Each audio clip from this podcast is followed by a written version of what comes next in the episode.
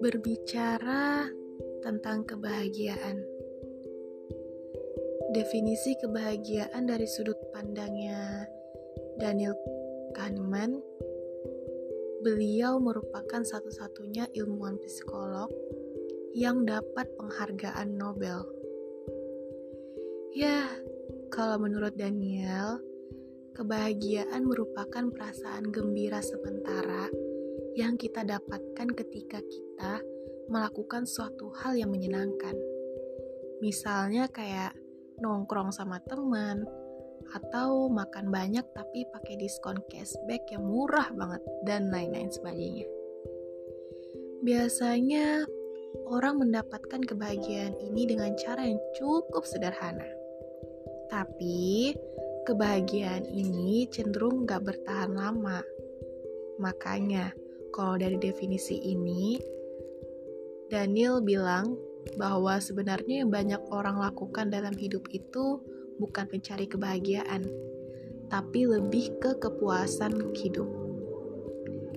Jadi bukan happiness, tapi life satisfaction. Bedanya apa? Kepuasan hidup sifatnya lebih jangka panjang. Kepuasan hidup pada dasarnya adalah kepuasan yang kita alami saat kita ngeliat ke belakang dan ngerasa bahwa kita udah mencapai suatu hal yang penting dalam hidup.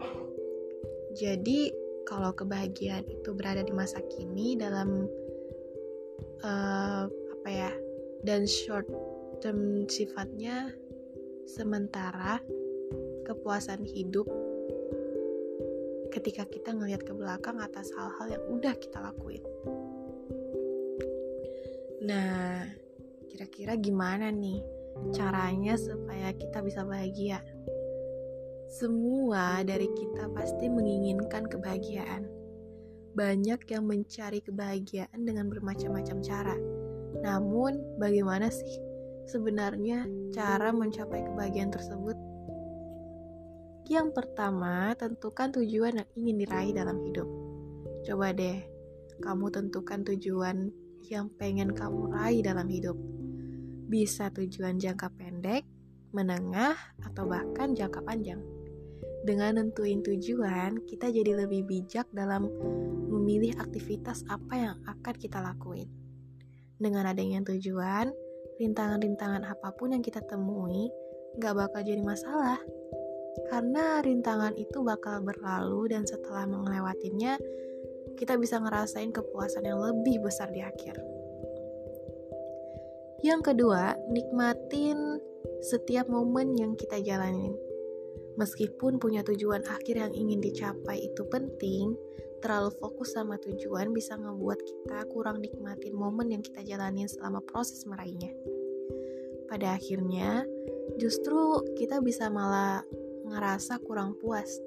Jadi selalu sempetin waktu buat kamu untuk mengambil napas dan mensyukuri setiap momen-momen yang terjadi setiap harinya. Next, yang ketiga, habiskan waktu berkualitas dengan orang berkualitas.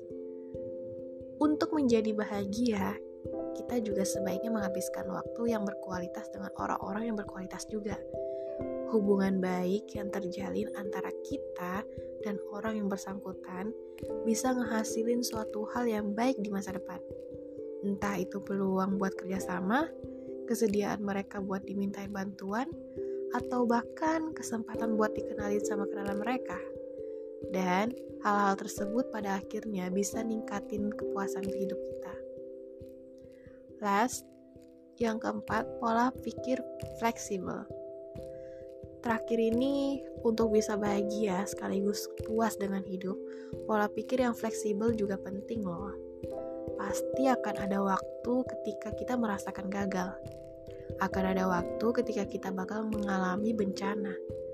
Dan akan ada waktu juga di mana ada banyak hal yang gak terkontrol yang bakal mengganggu kita mencapai tujuan kita. Dan ya ini wajar banget sebagai manusia, kita nggak bisa mengontrol semua hal. Nah guys, buat mencari kebahagiaan, Temukanlah keseimbangan antara hal yang kamu enjoy, lakukan, dan tujuan besar yang bikin kamu ngerasa puas di masa depan. Tapi selalu ingat ya, bahwa mencari kebahagiaan itu kalau dijadiin tujuan utama bakal jadi bumerang nantinya. Ingat aja bahwa kebahagiaan itu short term. Kepuasan hidup itu long term. Dan kita tetap bisa mendapatkan keduanya. So, enjoy the process. Tetap santuy dan nikmati perjalanan menuju tujuan jangka panjang kamu. Jadilah bijak dalam memanfaatkan waktu yang kamu punya saat ini. Buat apa? Ya buat ngelakuin hal-hal yang berarti.